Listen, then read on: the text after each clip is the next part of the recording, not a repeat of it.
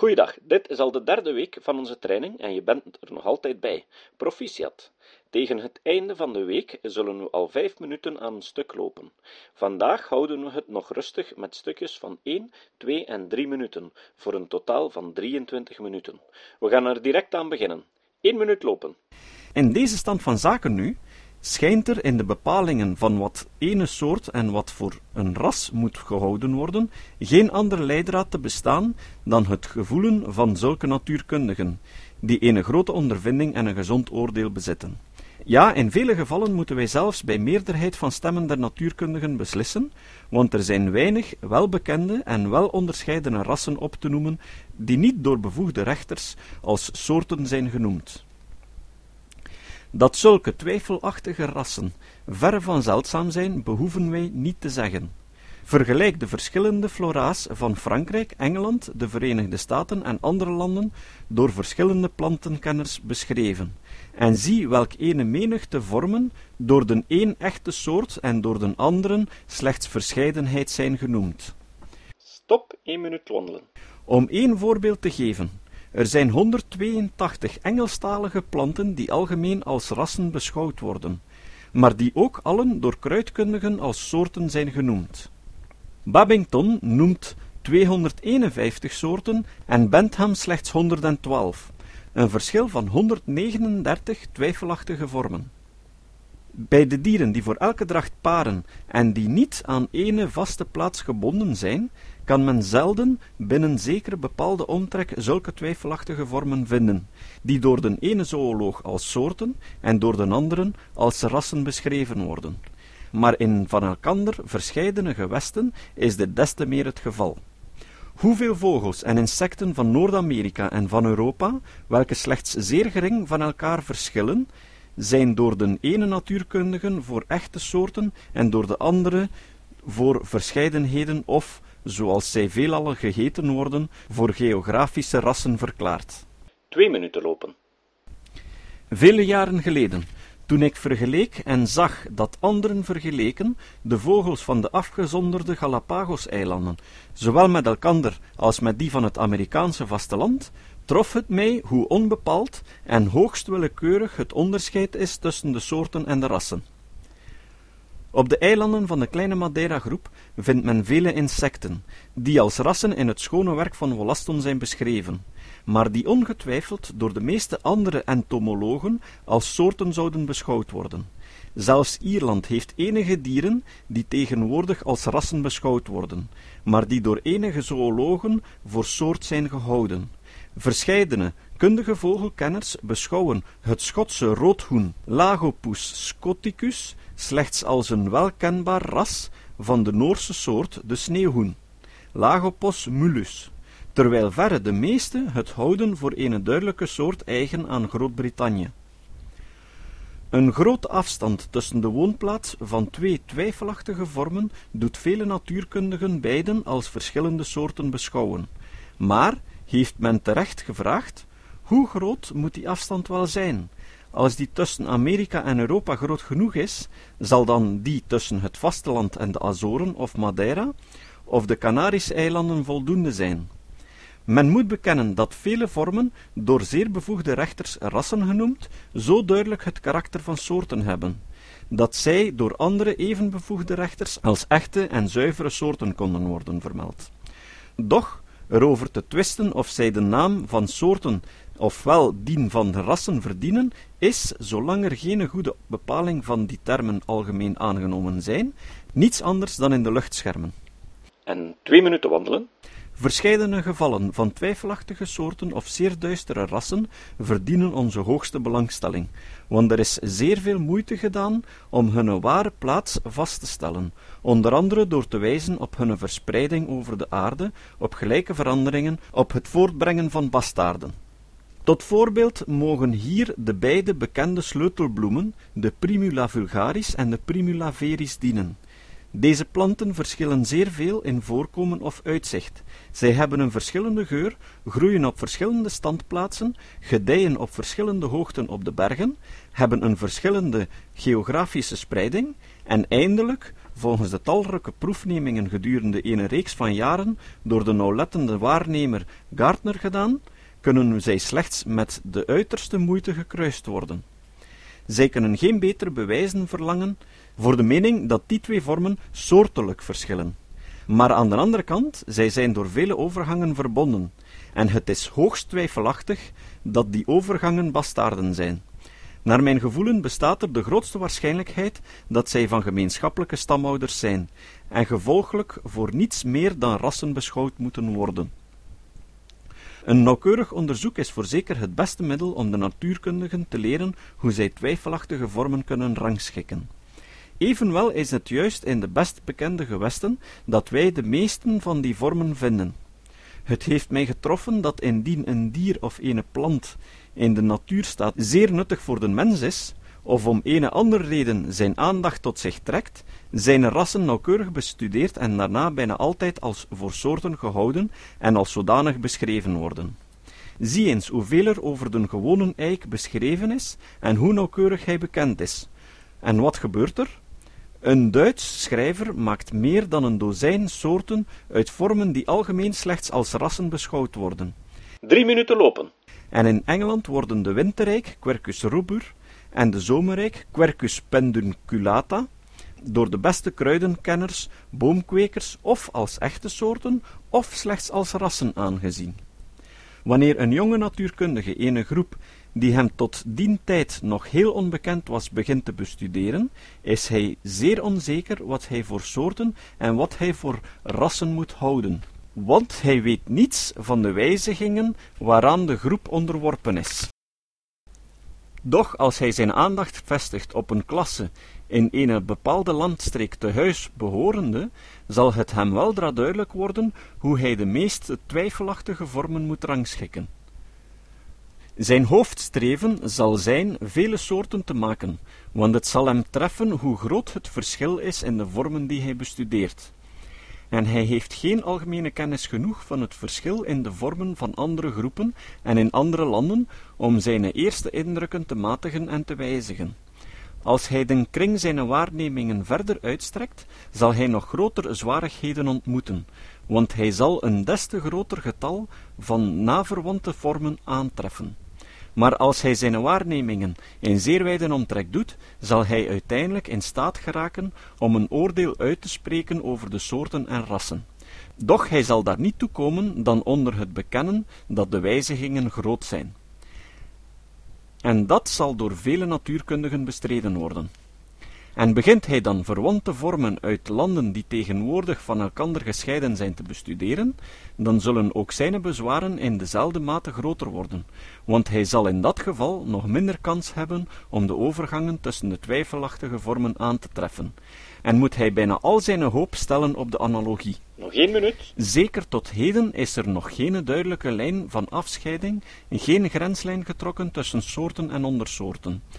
Dat is die vormen welke naar het gevoelen van enige natuurkundigen wel zeer nakomen van soorten, maar niet volkomen de kenmerken ener soort vertonen. Tussen ondersoorten en rassen, tussen geringere verscheidenheden en individuele verschillen. En die onderscheidingen versmelten in elkaar en vormen een onafgebrokene reeks. De ene reeks geeft ons de indruk van een onmerkbare overgang. Daarom zijn de individuele verschillen, of schoon van zeer weinig, ja van geen het minste belang voor de systematicus, voor ons van het grootste gewicht, als zijnde de eerste trede tot zulke geringe verscheidenheden, die nauwelijks een vermelding in de werken over de natuurkundige historie verdienen.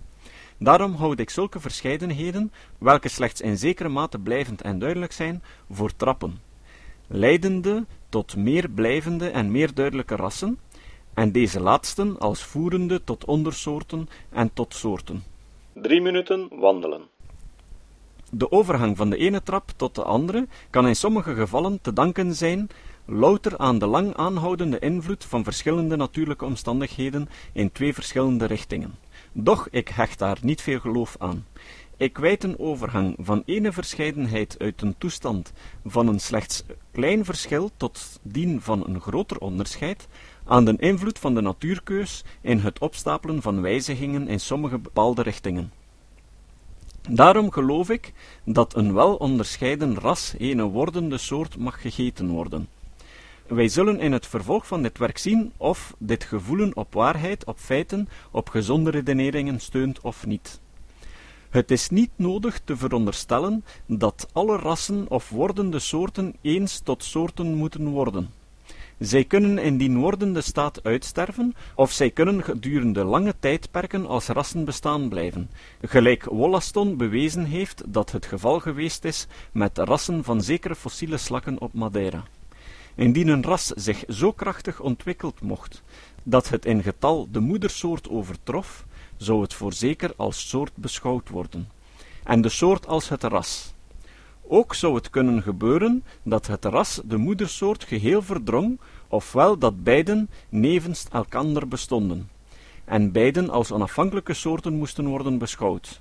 Doch ook op dit onderwerp komen wij later terug. Uit al het voorgaande blijkt dat ik het woord soort beschouw als geheel willekeurig en als het ware bij onderlinge overeenkomst voor het gemak gegeven aan ene groep van individuen die zeer veel op elkaar gelijken, en dat het niet wezenlijk verschilt van het woord ras, het welke men toegepast heeft op minder verschillende en meer dobberende vormen. Ook het woord verscheidenheid of ras is slechts willekeurig toegepast en wordt ook voor het gemak gegeven aan een groep van individuen die slechts individuele verschillen vertonen. We zijn al halfweg deze training. Elf Dicandole en anderen hebben aangetoond dat zulke planten die zeer wijd verspreid zijn in het algemeen ook rassen vertonen.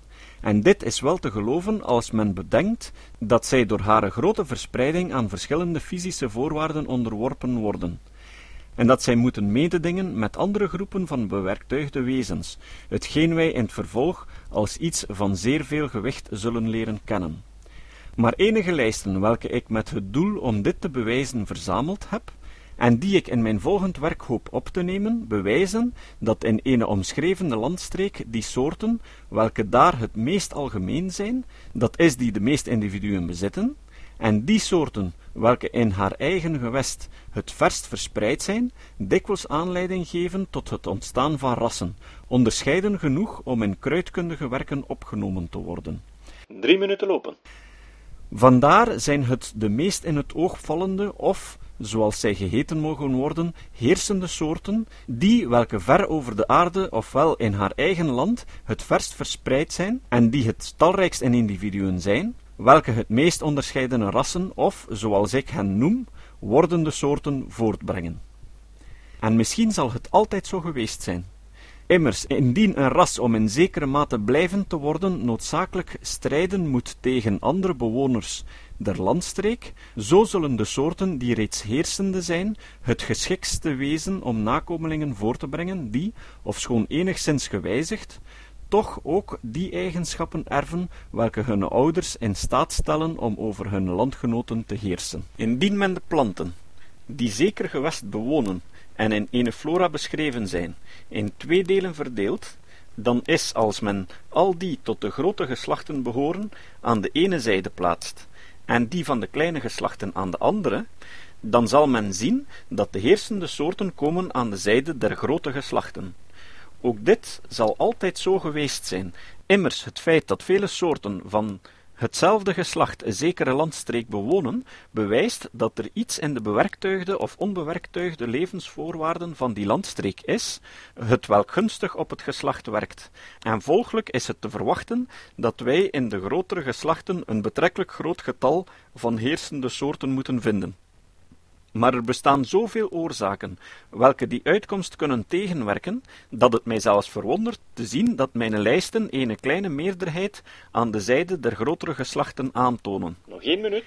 Slechts twee van die oorzaken willen wij hier noemen. Zoetwaterplanten en zoutminnende planten zijn over het algemeen zeer ver verspreid. Doch dit schijnt in verband te staan met de natuur van haar groeiplaatsen en heeft weinig of geen betrekking tot de grootte van het geslacht waartoe het behoort. Planten die laag geplaatst zijn op de ladder der schepselen, zijn gewoonlijk veel verder verspreid dan hoger bewerktuigde gewassen. Maar ook hierin bestaat weder geen overband met de grootte van het geslacht. De oorzaak van het ver verspreid zijn van lage planten zal in ons hoofdstuk over de verspreiding der planten over de aarde besproken worden. Door de soorten voor niets anders te houden dan voor wel bepaalde en zeer kenbare rassen, kwam ik reeds vooruit tot het besluit dat de soorten van de grotere geslachten in elk gewest meer en vaker rassen zouden moeten voortbrengen dan de soorten van kleinere geslachten. Immers, waar ooit naverwante soorten, dat is soorten van hetzelfde geslacht, waren gevormd geworden, kunnen ook naderhand rassen of wordende soorten ontstaan. Drie minuten wandelen. Waar veel grotere bomen groeien, mogen wij verwachten dat er ook kleinere zullen zijn. Waar vele soorten van een geslacht door afwijking zijn gevormd, daar zijn de omstandigheden gunstig geweest voor verandering, en derhalve mogen wij verwachten dat de omstandigheden in het algemeen gunstig voor verandering zullen blijven. Aan de andere kant, als wij elke soort beschouwen als een bijzondere handeling der natuur, dan is er geen de minste reden om te denken waarom er meer veranderingen zouden voorvallen in een groep van vele dan in een van weinige soorten.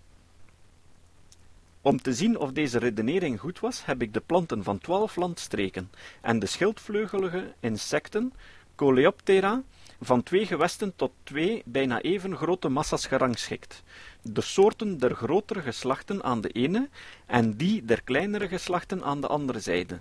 En het bleek steeds dat er meer soorten van de grotere geslachten rassen bezaten dan die van de kleinere geslachten. Bovendien, de soorten van een groter geslacht vertonen onmisbaar een groter gemiddeld getal rassen dan de soorten van een kleiner geslacht. Beiden uitkomsten blijven dezelfde, al wordt er een andere verdeling gemaakt en al worden de kleinste geslachten, van slechts ene tot vier soorten, volkomen van de lijst uitgesloten. Deze feiten zijn van een zeer grote betekenis voor de bewering dat soorten niets anders zijn dan wel onderscheidene blijvende rassen, want waar vele soorten van hetzelfde geslacht zijn ontstaan, of waar, als wij die uitdrukking hier mogen bezigen, de fabriek van soorten in werking is geweest, zullen wij in het algemeen die fabriek nog steeds in werking vinden, vooral als wij enige redenen hebben om te geloven dat het fabriceren van nieuwe soorten zeer langzaam gaat. En dit is voorzeker het geval als rassen gehouden worden voor wordende soorten, want mijn lijsten bewijzen dat het de regel is dat waar vele soorten van een geslacht zijn gevormd, de soorten van dat geslacht steeds een getal van rassen, dat is van wordende soorten vertonen, boven het gemiddelde getal. Niet alle grote geslachten echter veranderen sterk en vergroten dus het getal hunner soorten. En niet alle kleinere geslachten veranderen niet en nemen niet toe in grootte. Zoiets zou, indien het waar was, zeer veel tegen mijn leer bewijzen. Doch het is niet waar, want de geologie leert ons ten duidelijkste dat kleine geslachten in de loop der tijden zeer veel toegenomen hebben, en dat grotere geslachten dikwijls hun toppen bereikt hebben, afgenomen en verdwenen zijn. Alles wat wij wilden beweren bestaat hierin dat waar vele soorten en een geslacht zijn ontstaan, daar worden ook tegenwoordig vele gevormd, wat te bewijzen was. En voor de laatste keer drie minuten lopen. Er bestaan nog enige andere betrekkingen tussen de soorten van grote geslachten en hare rassen, welke onze opmerkzaamheid verdienen. Wij hebben gezien dat er geen onfeilbare maatstaf is om soorten en rassen van elkander te onderscheiden, en in die gevallen waarin de overgangen tussen twijfelachtige vormen niet gevonden geworden zijn, moeten de natuurkundigen, naar de mate van het verschil tussen beide vormen, beslissen en oordelen of beiden tot de waarde van soort verheven zullen worden. De hoegrootheid van het verschil is derhalve een zeer belangrijke maatstaf of twee vormen de naam van soorten of van rassen zullen voeren. Nu heeft Fries bij de planten en Westwood bij de insecten opgemerkt dat in grote geslachten het verschil tussen de soorten somtijds uiterst gering is. Ik heb getracht dit door cijfers te bewijzen, en voor zoverre mijn uitkomsten goed zijn, bevestigen zij dat. Ook heb ik enige verstandige en bedrevene waarnemers geraadpleegd, en zij hebben die beweringen bevestigd. De soorten van de grotere geslachten lijken dus op rassen, meer dan die van kleinere geslachten zulks doen. En ook van de andere kant beschouwd kan men zeggen dat in grotere geslachten, waarin een groter aantal rassen dan het middengetal zijn, vele soorten op rassen gelijken, want zij verschillen minder dan gewoonlijk van elkander. Bovendien, de soorten van de grote geslachten zijn tot elkander verwant op dezelfde wijze als de rassen van ene soort tot elkander verwant zijn. Er is geen natuurkundige die beweren zal dat alle soorten van een geslacht evenveel van elkander verschillen. Nee, zij zullen gemeenlijk in ondergeslachten of afdelingen of kleinere groepen verdeeld worden. Fries heeft terecht opgemerkt dat kleine groepen van soorten, gelijk satellieten rondom zekere andere soorten gerangschikt zijn. Nog één minuut. En wat zijn rassen anders dan groepen van vormen, ongelijk aan elkander verwant en gerangschikt rondom zekere andere vormen. Dat is rondom hun moedersoorten. Zekerlijk, er is een zeer belangrijk punt van verschil tussen rassen en soorten, namelijk dat de som van het verschil tussen de rassen, als men hen vergelijkt met elkander of met moedersoorten, veel kleiner is dan die tussen de soorten van hetzelfde geslacht. Doch, als wij de uiteenspreiding der kenmerken behandelen, zullen wij zien hoe dit te verklaren is, en hoe het geringe verschil tussen de rassen medewerkt om het grote verschil tussen de soorten des te groter te doen worden. En eindelijk, de rassen hebben een veel begrensder gebied dan de soorten. Dit is zo eenvoudig dat het bijna geen vermelding verdient. Immers, als men een ras vond dat meer verspreid was dan de vooronderstelde soort waaruit het is voortgekomen, dan zou het eerste soort en de laatste ras gegeten moeten worden. En stop. Twee minuten wandelen. Doch ook is het gebleken dat zulke soorten, die zeer na verwant zijn aan andere soorten, en derhalve in zoverre op rassen gelijken, ook veelal een zeer beperkt gebied hebben. Als slotsom van onze beschouwingen in dit hoofdstuk blijkt dus dat rassen hetzelfde algemene karakter hebben als soorten, want zij kunnen van de laatste niet onderscheiden worden dan tenzij, ten eerste, als men overgangsvormen ontdekt en als die schakels de kenmerken niet kunnen wijzigen, en ten tweede door zekere mate van onderscheid, want als twee vormen zeer weinig verschillen, worden zij gewoonlijk als rassen beschouwd. Niet tegenstaande er geen tussenvormen ontdekt zijn, is het desniettemin volkomen onbepaald hoe groot het onderscheid moet zijn om twee vormen voor soorten te mogen houden. In geslachten die meer dan het middengetal soorten in zekere landstreken bezitten, hebben ook de soorten zelve meer dan het gemiddelde aantal rassen. In grote geslachten zijn de soorten nauw, maar ongelijk met elkander verbonden, en zijn soms alle satellieten rondom andere soorten gerangschikt. Soorten die zeer na aan andere soorten verwant zijn, hebben veelal een zeer begrensd gebied. In al deze opzichten hebben de soorten der grote geslachten een in het oog vallende overeenkomst met rassen. Wij kunnen die overeenstemmingen zeer goed begrijpen als de soorten eens rassen zijn geweest en daaruit zijn ontstaan, terwijl die overeenstemmingen volkomen onverklaarbaar zijn indien de soorten onafhankelijk van elkander zijn geschapen. De training zit er weer op. Overmorgen een training van 25 minuten.